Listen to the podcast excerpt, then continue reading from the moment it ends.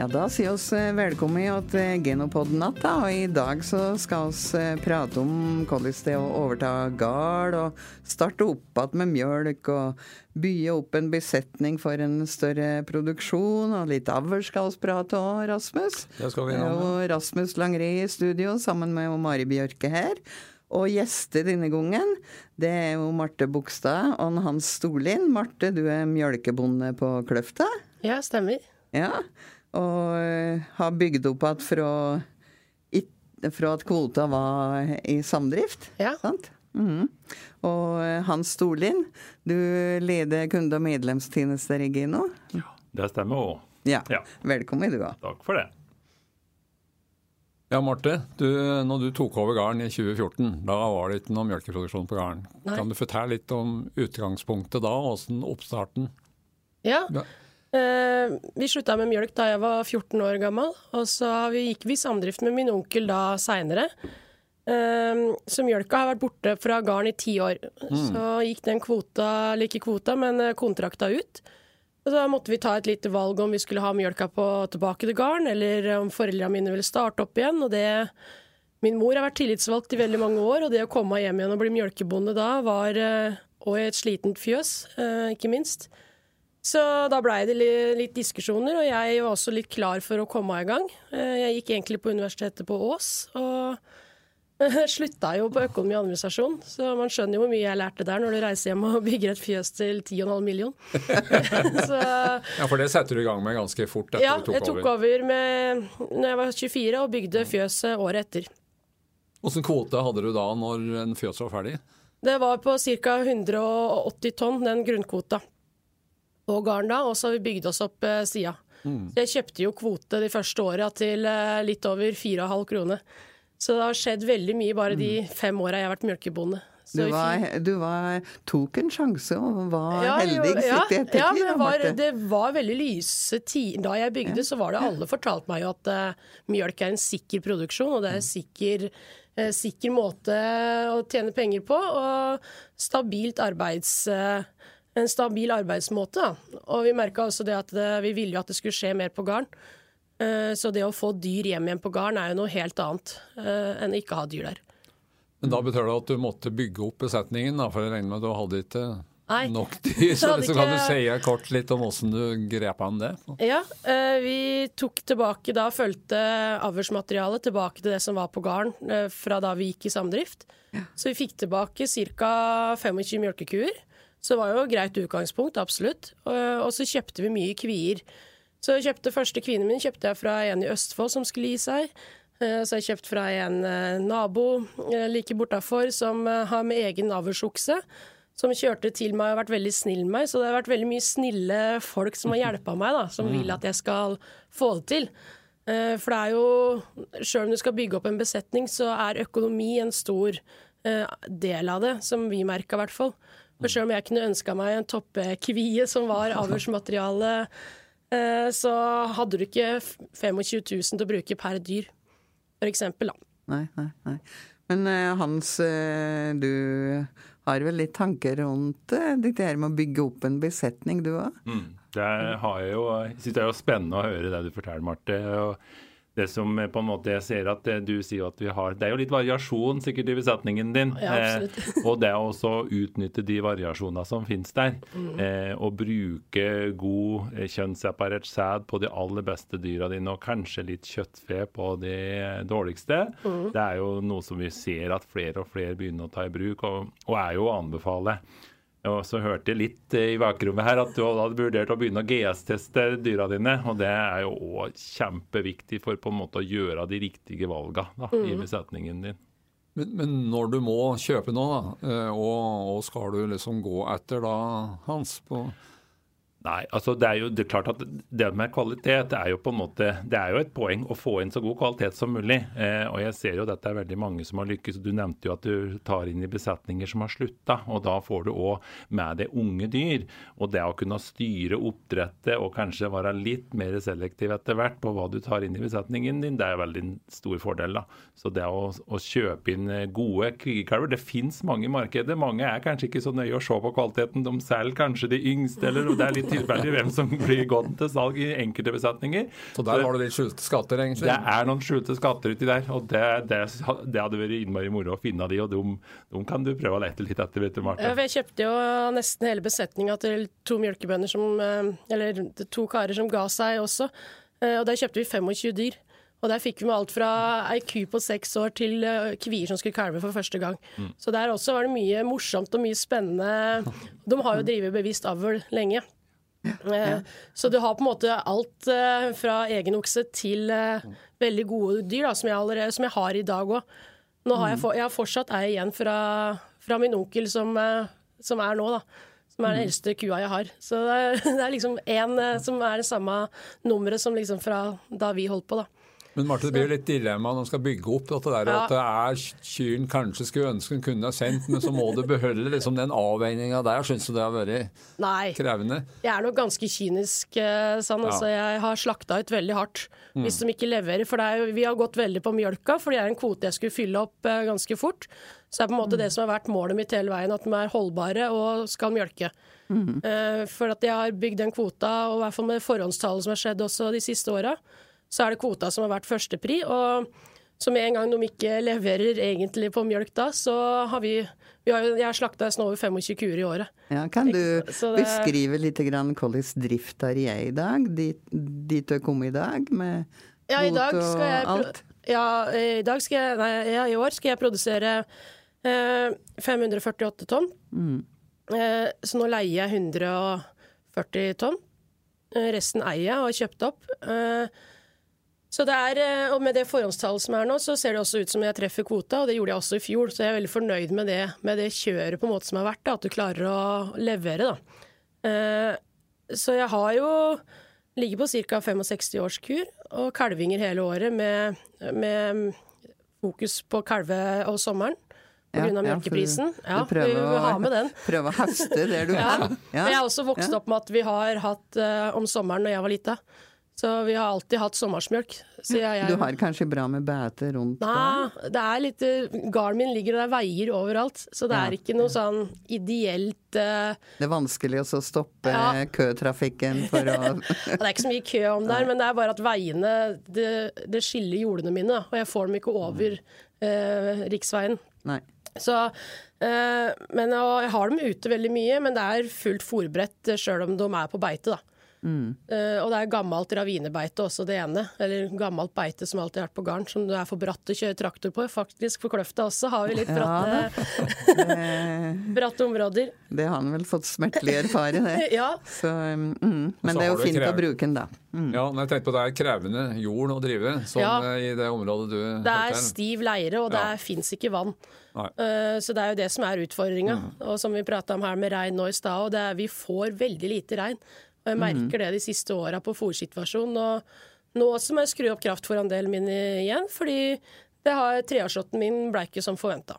Mm. Så det skal bare fem minutter lenger bort i gata, så noen fikk en bra treårslått. Så det er veldig lokalt, altså. Veldig lokale ja. variasjoner. Men det er jo fint du følger med, da. Ja, så du vet hva du har. For du sa nå hadde du akkurat uh, gått gjennom uh, årets avling og ja. sier at du jeg ser greier at jeg har for lite. Ja, og jeg men, ser nå at jeg har akkurat for lite. Ja, akkurat for lite. Ja, så mm. jeg vil nok eh, begynne å kjøpe inn nå. Så mm. jeg mm. ikke sitter igjen på en måte med innkjøp til sommeren når mjølkeprisen går opp, da. Ja. Men nå har du kommet opp liksom, og har den besetningsstørrelsen du har ja. behov for. Hvordan vil du utvikle den videre? Tenk på Hvordan vil du drive avlen i Nei, for Nå har jeg begynt å bruke avhørsrådgiver, og det syns ja. jeg er veldig spennende å få at han kan se med litt nye øyer. For jeg har jo liksom tenkt litt at nesten ikke er Jeg har på en måte rubbel og bit, da. Så det har liksom eh, ikke trodd at det er noe god besetning, men jeg har jo fått beskjed av han at jeg må ikke se så svart på det, at det er mye bedre enn jeg tror, da. Og det er jo litt ålreit å høre. at eh, det er håp for min besetning også. Eh, så nå skal vi fortsette å utvikle både mjølk og også kjøttbiten mer, da. For jeg fôrer jo opp oksa. For du Hans var så vidt innom det med Redex og litt kjøttfisær. Kan du si litt mer om liksom en strategi der, på en måte hva som kan være lønnsomt i en situasjon sånn som? Ja, det er i hvert fall det du, du sier at du skal produsere sammermjølk. Eh, og det er klart at det også å ha gode dyr inn i sammermjølk, altså de som skal produsere sammersmjølk, da, ja. det blir jo veldig viktig. Så det er jo på en måte kanskje noe nytt som har kommet litt inn i avlsplanlegginga. Det er også på en måte utnytte markedet litt og sikre seg at en får gode kviggkalver som da normalt vil kalve inn på sammersmjølk, og kanskje kan bruke kjøttfe på da dyr som en på en måte vil kalve på en annen tid på året, som da ikke ja. er så interessante i forhold til uh, mjølkeproduksjon. Og det er helt tatt sortere dyr i forhold til dette med Reddex kjøttfe, det tror jeg det vil ha veldig stor nytte av. Og vi har jo i samarbeid med Tine sett litt på beregna, vi har jo tatt én modell, men det ligger faktisk på ganske mye kroner per årsku, altså ekstra ja. hvis du benytter litt kjøttfe attåt. Det, det du sier at han sier at kanskje mange har en mulighet til å benytte avlsmaterialet sitt bedre og høste enda bedre, Tore, hvis jeg hører det rett? Det er ja. helt rett. Ja. Det er helt klart at det også utnytter potensialet. Og variasjoner og markedet så syns jeg det er veldig godt og artig å høre at du har en njål til eh, deg. fordi jeg tror det er den opplevelsen som du har hatt med det også kanskje få befesta at det faktisk er ikke så dårlig det du har, skjønner du. Så det er, og det tror jeg de aller fleste opplever. Ja. Når det kommer folk utentil og ser på besetningen, så ser ja, faktisk ja. så er, har vi mye bra å by på. Men det var en uh, fin overgang, for nå skal vi ha et lite innslag for, fra vår utegående reporter Turi Nordengen. Hun har vært på Finnøy hos Arvi Vignes som uh, driver òg i robotfjøs med 34 ky og og jeg er relativt avlsopptatt, tror jeg. La oss høre hva Arve sier. Ja, da står jeg her på Finnøy sammen med Arve Vignes. Hei, Arve. Hei. Kan du fortelle litt om eh, deg sjøl og drifta deres her? Jeg er en pensjonert tinerådgiver, Tine-rådgiver som drifter gården til sønnen min, som har bygd eh, et robotfjos som har 34 kyr nå som melker. 330 000 i kvote. Mm. Og det er jo sønnen som har tatt over, men du har fortsatt en eh, finger med i spillet når det kommer til avlen? Det er jeg som lager avlsplan fortsatt, ja. ja. Hva er det du vektlegger da? Jeg vektlegger at det er dyr som er lett å ha med å gjøre. Så vi har hatt uh, mye fokus på jur og lunde. Nå er det ganske bra, så nå mm. vektlegger vi høy fettprosent og kollethet men fortsatt er jur en viktig faktor.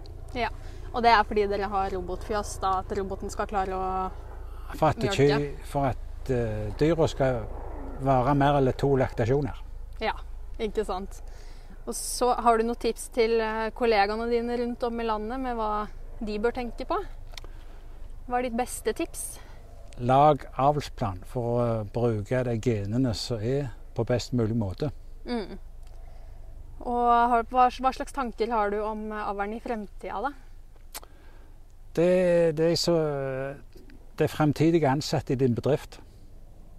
Så hvis du lager gode dyr, så har du gode ansatte. Mm. Det er viktig fremover.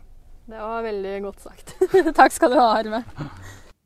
Ja, da hørte vi en Arve fortalte litt om hva for noen egenskaper eh, han var opptatt av. Eh, kunne du, Marte, si litt om hva du vektlegger mest?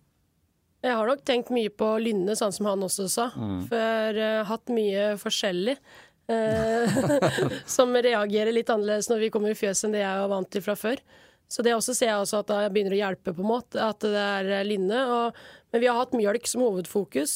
ikke slitt noe veldig med jur, jureksteriør. Uh, Syns de går fint på roboten, de fleste. og så har vi også på Kolla har vi vært bevisst hele veien, da. Så 50% nesten som blir født hos oss, er kolla. Mm. Uh, og det syns jeg det hjelper veldig på også. Mm. Uh, så det er også, I nå så hadde vi veldig fokus på bein. Litt fra overgang, uh, for du kjøper mye båsfjøsdyr. så det er ikke alltid den overgangen går like greit. og nå skjærer jeg klauver nesten tre ganger i året, og jeg ser at det gir resultater med fokus på gode bein. og flink med klaubad. Da, det har hjelpa veldig, å få, for det hjelper ikke hvor flinke de er til å mjølke hvis de ikke er noe gode til å gå. Mm. Uh, Nei, du, du, nevnte jo annet at du for det at du hadde kjøpt inn mye dyr og hadde mm. fått mer i digital dermatitt. Ja. Men har gjort en kjempeinnsats, skjønner jeg. Ja, der har det gått uh, riktig veien. Så der har vi hatt bevisst fokus på både å skjære og slakte ut uh, fort på de som er aktuelle på det. Mm. Så det er også litt moro når du først har kommet på det dyreantallet man vil nå, at det nå behøver det ikke være så god grunn for å slakte dem ut. At nå kan du på en måte begynne å sortere litt. Uh, mm og at nå skal du ha med deg de beste videre. da. At du ikke mm. må sette deg på rubbel og bit, som vi snakka om sist. Det, for det syns jeg er litt eh, Ja, du veit at det ikke er ei god kvi, men du trenger det. Mm. og nå kan du velge hun bort, og det er veldig behagelig. Når du hører på Marte nå, hva du tenker kunne være lurt for henne å gjøre videre, Hans?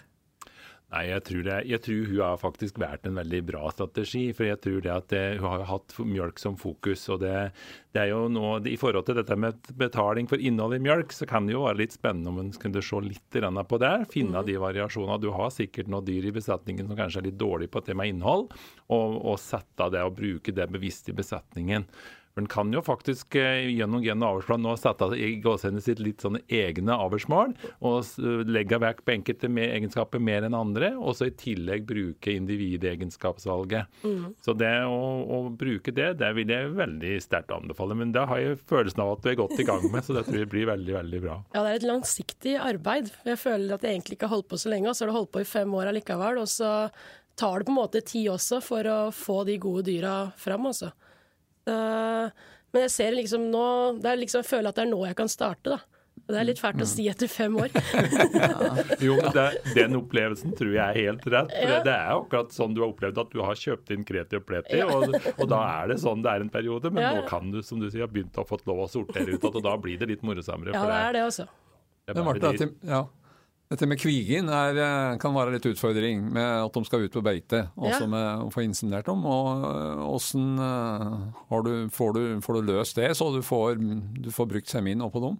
Ja, vi har vært bedre, i hvert fall i år og i fjor, at vi holder igjen eh, Slipper ut halvparten som har vært inseminert, og så holder vi igjen halvparten som vi inseminerer, og så slipper ut. da. Så vi deler på en måte litt opp beitesesongen på kvinner i to, da tar den jobben med å kjøre dem ut og holde igjen og sjekke at de er drektige før de skal ut på beite. For jeg har eh, ja, I 2018 vi hadde jo veldig mye tomme kvier som kom hjem, sjøl om de var konstatert drektige før. Mm. Jeg liker å konstatere at de er drektige før jeg slipper dem på beite, for jeg har ikke lyst på den overraskelsen når de kommer hjem. Uh, så vi har nok vært flinkere der nå på en måte å holde, holde igjen, da. Ikke ha litt den der at alle må ut med en gang.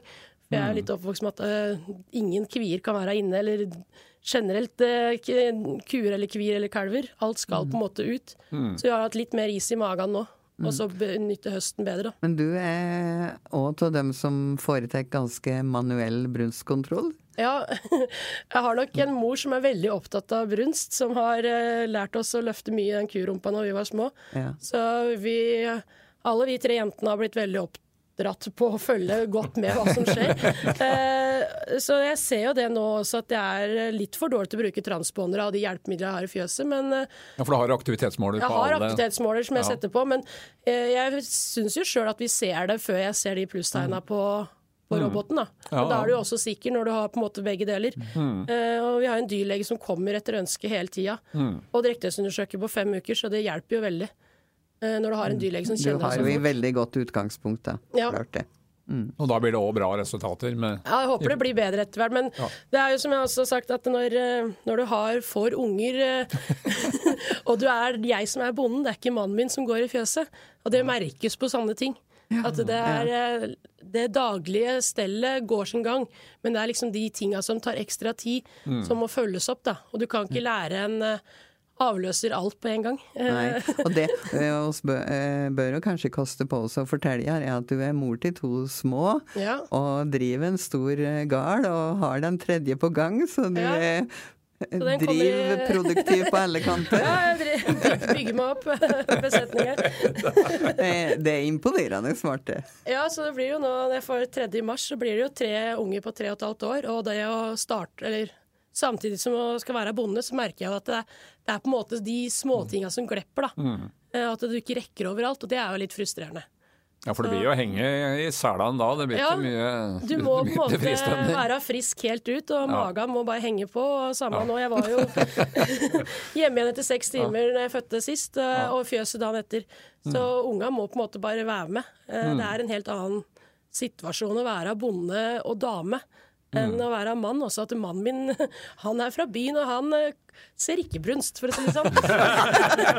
så, så hjelper liksom ikke at han måker møkk. Det var han, han egentlig møkk, men- fristende ja. med oppfølgingsspørsmål på det.